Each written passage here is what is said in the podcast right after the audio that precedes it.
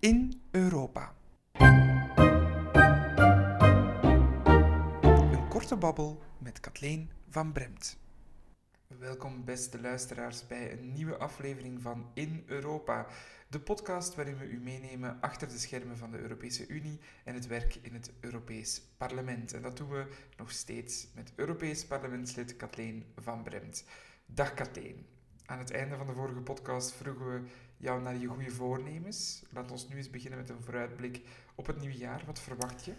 Wel, laat me beginnen met te zeggen dat ik eigenlijk heel hoopvol ben. Ik denk dat het eigenlijk wel bij veel mensen zo is. Het, uh, al naar gelang de woordkeuze, maar er zijn weinig fijne woorden te bedenken voor 2020. Maar 2021 wordt wel een goed jaar, daar ben ik echt van overtuigd. Um, nog een paar wat moeilijke maanden als het gaat over uh, de pandemie en, en, en de impact op onze samenleving. Uh, ook voor mezelf, hè, de komende maanden toch wat donkere maanden, nog veel binnenblijven. maar tegelijkertijd, um, het vaccin komt eraan, het recoveryplan wordt in stelling gebracht. Um, heel veel uitdagingen en ik denk dat heel veel mensen wel goesting hebben om aan 2021 te beginnen. Dus laat me concluderen of samenvatten, hoopvol. Hoopvol, dat is een goede start na vorig jaar. Laat ons eens beginnen met te kijken naar 2021. Vorige week werd het uh, tweede vaccin goedgekeurd door de EMA. Hoe kijk jij naar de Europese vaccinstrategie? Wel, ik merk dat er heel veel kritiek is. Hè? En uiteraard kritiek um, in een gezonde democratie is dat heel goed. En, uh, en, uh, en dat moet ook kunnen. En ik zeg niet verre van dat de Europese aanpak een soort van perfecte aanpak is.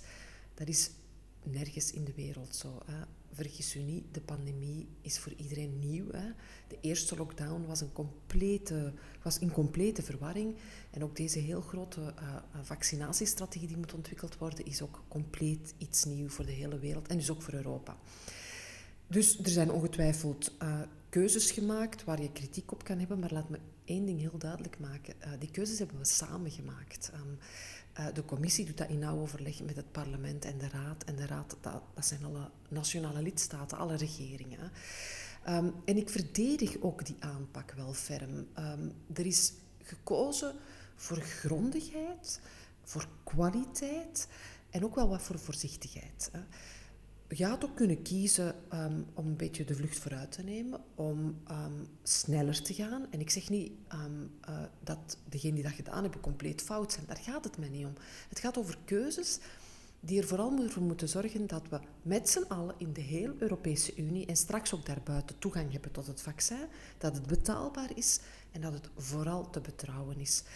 Uh, ik merk in in veel lidstaten en eigenlijk ook bij ons in België, dat er wel scepticisme is over dat vaccin. Dan moet je als overheid vooral een betrouwbare partner zijn. En ik, uh, ik, uh, ik zeg altijd, we zullen zien op het einde van de rit um, wie wat gedaan heeft en een goede evaluatie maken. Maar ik denk dat in Europa we ervoor gaan zorgen dat tegen de zomer een heel groot deel van de bevolking gevaccineerd is. En dan bedoel ik ook heel Europa, want Europa gaat, gaat over solidariteit. Uh, en solidariteit betekent dat ook elke lidstaat, ook de kleinere, zoals wij, maar ook de minder kapitaalkrachtige, zoals Roemenië bijvoorbeeld, even goed toegang krijgen. En degenen die kritiek hebben, nog eens geen probleem, kritiek moet kunnen, maar ik hoor dat sommigen um, uh, het hele Europese project daarmee in vraag stellen. Dat vind ik bizar. Hè? Uh, maar bovendien, ik stel me dan de vraag, zijn er echt politici in Vlaanderen die denken dat als Vlaanderen dit op zichzelf had aangepakt hè, en de onderhandelingen was gestart met de grote farmabedrijven, of dat we dan nu meer um, vaccins in handen zouden hebben. Ik ben er zeker van, van niet. Het was ook eigenlijk de eerste keer dat de Europese Commissie de bevoegdheden kreeg om zo'n farmacontracten te onderhandelen. Um, hoe kijk jij daarnaar? Toont deze pandemie aan dat de Europese lidstaten meer moeten samenwerken als het gaat over gezondheidszorg? Moeten we evolueren naar een Europese gezondheidsunie? Wel, deze crisis leert ons uiteraard weer heel veel. Ik heb daarnet gezegd, um, de vaccinatiestrategie, ik denk dat die door Europa correct en goed wordt aangepakt. Um, ik denk dat er wel andere kritieken te geven zijn. Maar opnieuw um, gaat het vooral over de lidstaten. Hè. Ik vind de manier waarop er, of beter is de manier waarop er niet is samengewerkt op het vlak van hoe organiseer je nu een lockdown? Betekent dat? Wat doen we? Wat zijn de criteria? En hoe doen we dat in de hele Europese Unie min of meer uniform? Dat wil niet zeggen dat uh, um, in heel de Europese Unie alle winkels dicht moeten. Hè? Of in heel de Europese Unie op dezelfde tijdstip alle uh, horeca dicht moet. Nee, dat betekent dat iedereen verstaat onder welke criteria wat gebeurt. Hè? Um, en terecht wordt daar naar Europa gewezen. Maar ook ten onrechte. Terecht omdat je verwacht dat zoiets door Europa wordt gecoördineerd, maar ten onrechte omdat Europa gewoon die bevoegdheid niet gekregen heeft. Hè, of niet heeft. En, en ik denk dat dat zeker en vast voor de toekomst het, uh, hetgeen is waar we moeten aan werken. Laten we eens kijken bij een toekomstige pandemie, gezondheidscrisis, of breder een crisis in onze samenleving. Hoe kan Europa echt een goede coördinerende rol opnemen? Het zou het leven voor iedereen een pak gemakkelijker maken. Goed, terug naar het jaar 2021. Wat verwacht jij van het komende jaar?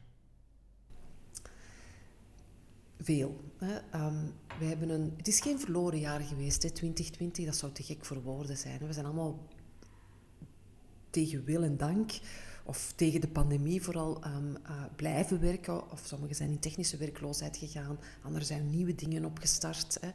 Um, en er valt ook heel veel te leren van zo'n uh, van zo'n pandemie. Maar we moeten vooral in 2021 een ferme doorstart maken. En wat we wel vooral niet moeten doen, is denken dat we um, terug kunnen naar voor de pandemie.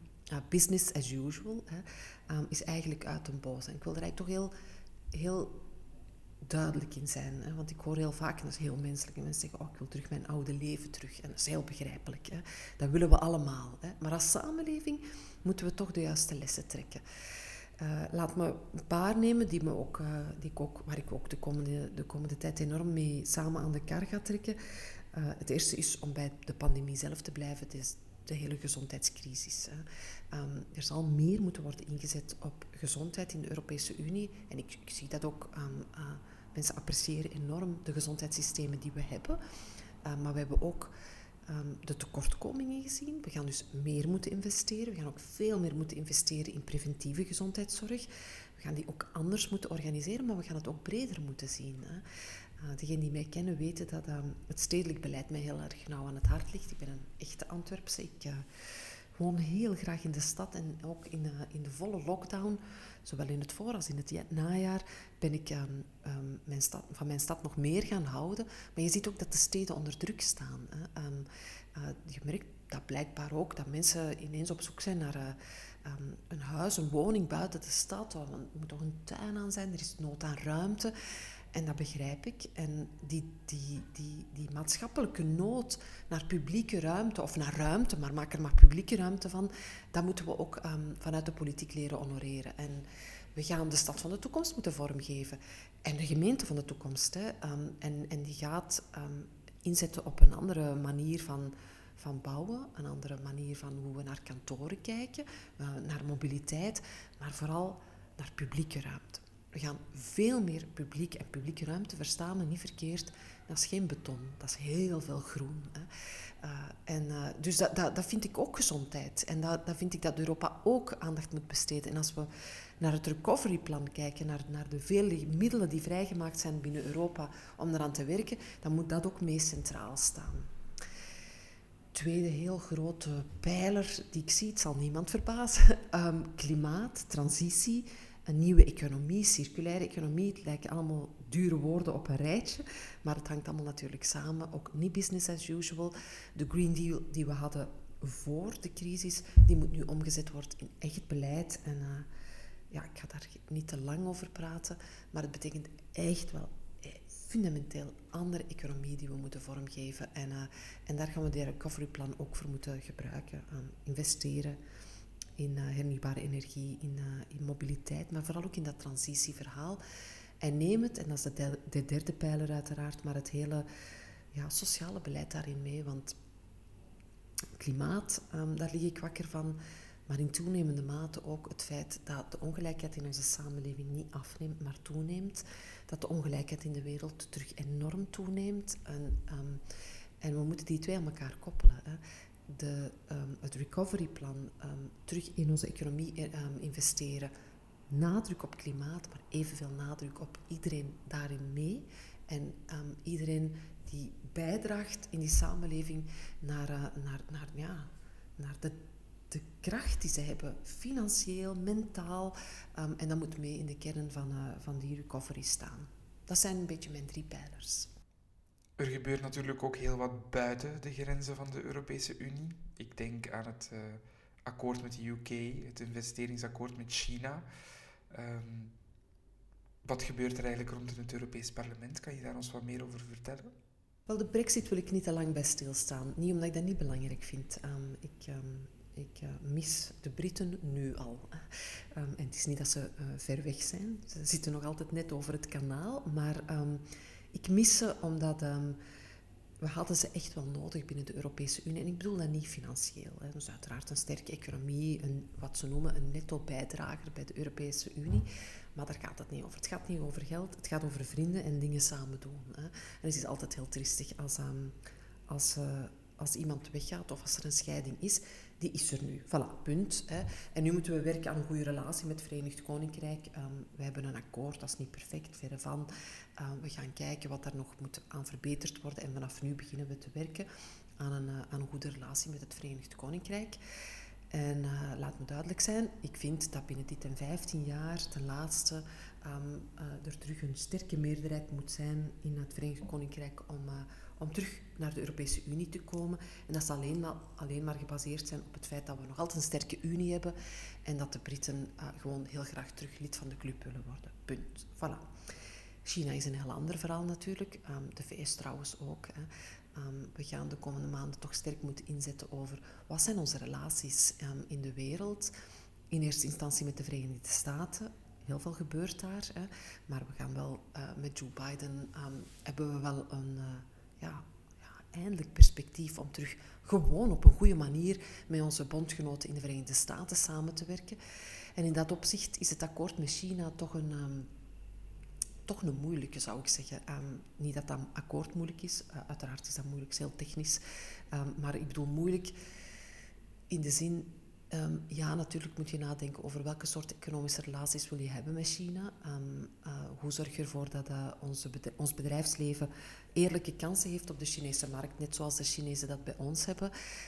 de vraag is maar of dat dit akkoord eraan tegemoet komt. En ik, ik maak me vooral heel veel zorgen over het feit dat we veel te weinig hefbomen hebben om bijvoorbeeld ervoor te zorgen. Ik geef een voorbeeld, eentje dat iedereen wel kent. Um, uh, duizenden mensen worden vandaag uh, in China ingezet onder dwang om allerlei producten te maken die op de Europese markt verkocht worden, bijvoorbeeld katoen. Ik vind dat onaanvaardbaar. En als je een akkoord sluit met een uh, belangrijk land zoals China, dan is een van de harde voorwaarden die je daarop zet um, uh, er mag geen gebruik gemaakt worden van dwangarbeid. Het is ook nog een heel groot probleem met de mensenrechten. Dus we gaan wel wat tijd nodig hebben om dat, om dat te bekijken, maar noteer maar alvast dat ik zeer kritisch ben. Kritisch kunnen we uiteraard ook zijn over de Verenigde Staten. Ja, na vorige week kunnen we het daar niet, niet over hebben. Hoe heb jij de gebeurtenissen in de VS gevolgd? Ja, gelijk iedereen um, zat ik uh, uh, woensdagavond uh, thuis naar ter zake te kijken toen zich dat eigenlijk ontplooide. verbijsterd, um, maar niet helemaal onverwacht eigenlijk. om een of andere reden zijn, dachten veel mensen dat Trump um, wel zou inbinden. maar ja, ik ga dat niet ik ga daar niet veel um, zware woorden op leggen, maar er is toch een heel groot probleem met de mentale gezondheid van president Trump. Hè. En um, uh, volgens mij is dat een extreme vorm van narcisme waar hij aan leidt. het is altijd heel gevaarlijk geweest, zijn presidentschap. En uh, dat het zo ontspoort op het einde. Uh, het enige goede daaraan, maar echt het enige goede daaraan is dat ik merk dat er toch wel wat ogen zijn opengegaan. Hè, voor al diegenen die, die vinden dat we um, extreem rechts toch moeten tolereren, aan mee het debat betrekken. Uh, vergis u niet, vergis u nooit. Uh, de extremen in onze samenleving, en die zitten ook bij ons, um, de die extremen, um, die, hebben, die, die, die, die werken, die functioneren niet volgens de regels van de democratie. Die zetten zich daar continu buiten. Er is veel verwezen naar uh, fake news. we hebben dat heel lang getolereerd. Ik denk dat er nu lijnen moeten getrokken worden. Ik denk dat ze die in de Verenigde Staten ook wel gaan trekken. En ik denk dat we ook in Europa heel alert moeten zijn, want uh, hetzelfde extremisme leeft uiteraard in onze samenleving. Um, hetzelfde extremisme krijgt ook politieke vertaling bij ons. Laten we maar duidelijk een streep uh, blijven trekken. Um, uh, maar ik ben ook daar hoopvol. Ik zie dat, um, dat ook in de Verenigde Staten de shock was enorm. Denk dat heel weinigen geloofden dat zoiets mogelijk was. Maar finaal is Biden aangesteld, um, wordt hij straks ook officieel um, in, het, in het ambt gezet, of hoe noemen ze dat? Uh, is hij straks gewoon president. En, uh, en dat is toch het goede nieuws. En van daaruit denk ik dat we veel, veel kunnen bouwen de komende maanden en jaren. Ik onthoud, je bent hoopvol, maar er is veel werk aan de winkel. Ja, maar dat vind ik eigenlijk heel fijn. Ik, uh, als het 2020, naast alle, alle, alle andere ellende, uh, tot de kapper toe, hè, bij wijze van spreken. Naast al die andere ellende, als er iets is dat ik heel moeilijk vind, dan is het um, passiviteit sorry, en, en veel thuiszitten. Ik, heb, um, ik hou van veel werk, zolang het nuttig is en het ergens toe leidt, met name ja, die samenleving in de juiste richting meeduwen samen met alle anderen, dan, dan deert me dat totaal niet, integendeel. Wel, Kathleen, dan wens ik u een enorm druk jaar toe. Merci.